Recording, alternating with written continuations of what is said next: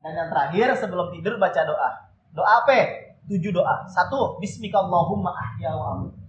Satu, dua, tiga. Bismika Allahumma ahya. Yang kedua, ayat kursi satu kali. Yang ketiga, akhir surat Al-Baqarah. Sebenarnya dua di hadisnya, dua akhir. Cuman paling bagus tiga aja. Lillahi ma fis samawati wa fil. Yang keempat, Al-Ikhlas tiga kali. Yang keempat, Al-Ikhlas tiga. Yang kelima, Al-Falaq tiga kali. Yang keenam, Anas tiga kali.